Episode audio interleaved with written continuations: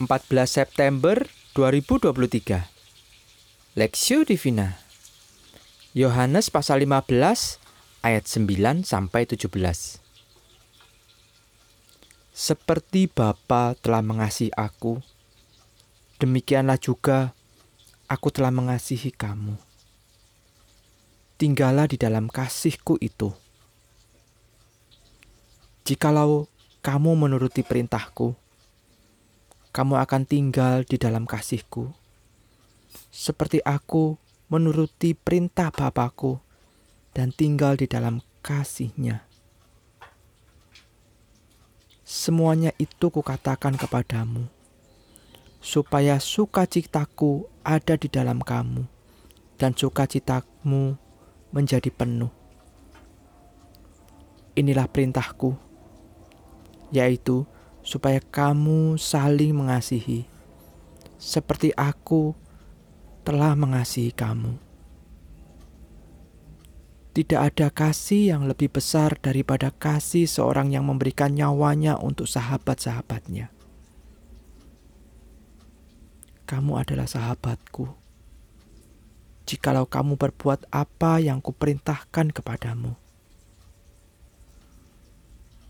Aku tidak menyebut kamu lagi hamba, sebab hamba tidak tahu apa yang diperbuat oleh tuannya. Tetapi aku menyebut kamu sahabat, karena aku telah memberitahukan kepada kamu segala sesuatu yang telah kudengar dari Bapakku. Bukan kamu yang memilih aku, tetapi akulah yang memilih kamu dan aku telah menetapkan kamu sebagai supaya kamu pergi dan menghasilkan buah dan buahmu itu tetap supaya apa yang kamu minta kepada Bapa dalam namaku diberikannya kepadamu. Inilah perintahku kepadamu. Kasihilah seorang akan yang lain.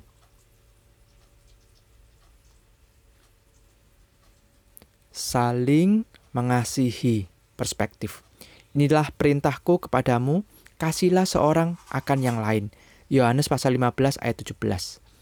Setiap orang yang tergabung di dalam sebuah perkumpulan atau organisasi umumnya memiliki tanda pengenal tertentu. Misal saja kartu identitas pengenal karyawan perusahaan, akun virtu virtual keanggotaan aplikasi, atau pakaian dengan sebuah logo tertentu. Tanda pengenal tersebut seolah menjadi petunjuk bagi orang lain, baik yang di dalam atau di luar perkumpulan tersebut. Lalu, bagaimana dengan pengikut Kristus? Apa yang menjadi tanda pengenal bagi anak-anak Tuhan? Yesus mengajarkan bahwa setiap pengikut Kristus yang telah merasakan kasih Tuhan seharusnya hidup di dalam kasih tersebut. Kasih seharusnya menjadi karakter yang tidak mungkin absen dalam kehidupan pengikut Kristus. Hal itu didasarkan atas kasih yang telah mereka terima terlebih dahulu di dalam Kristus. Ayat 12. Kasih itu bahkan mengangkat setiap umat percaya menjadi sahabat-sahabat Kristus. Ayat 15. Dengan demikian, mereka menghidupinya bukan karena keterpaksaan tanpa alasan, melainkan karena pengenalan yang indah di dalam penebusan Kristus. Maka dari itu, Yesus berulang kali menekankan akan Allah dan karyanya yang telah dinyatakan bukan karena kemampuan para murid. Ayat 9, 12, dan 16. Seringkali kita menyatakan kasih dengan bersyarat entah ketika orang lain itu baik dengan kita atau ketika kita merasa lebih mampu dan lebih bisa untuk memberi dan mengasihi.